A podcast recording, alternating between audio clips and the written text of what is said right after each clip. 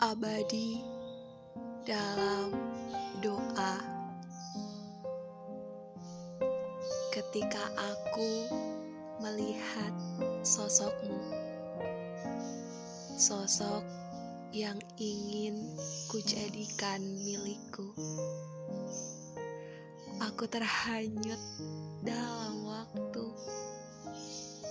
dan tak sadar ada yang juga menyukaimu. Aku pun mulai menghilangkan rasa agar tak lagi berharap pada cinta. Rasa yang kuanggap fana ternyata abadi dalam doa. Kau datang memberiku harapan, harapan atas rasa yang kupendam.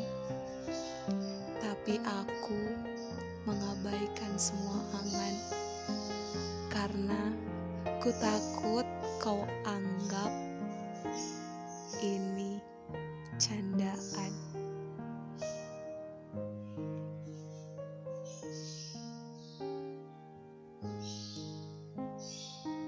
Sajak karya Nas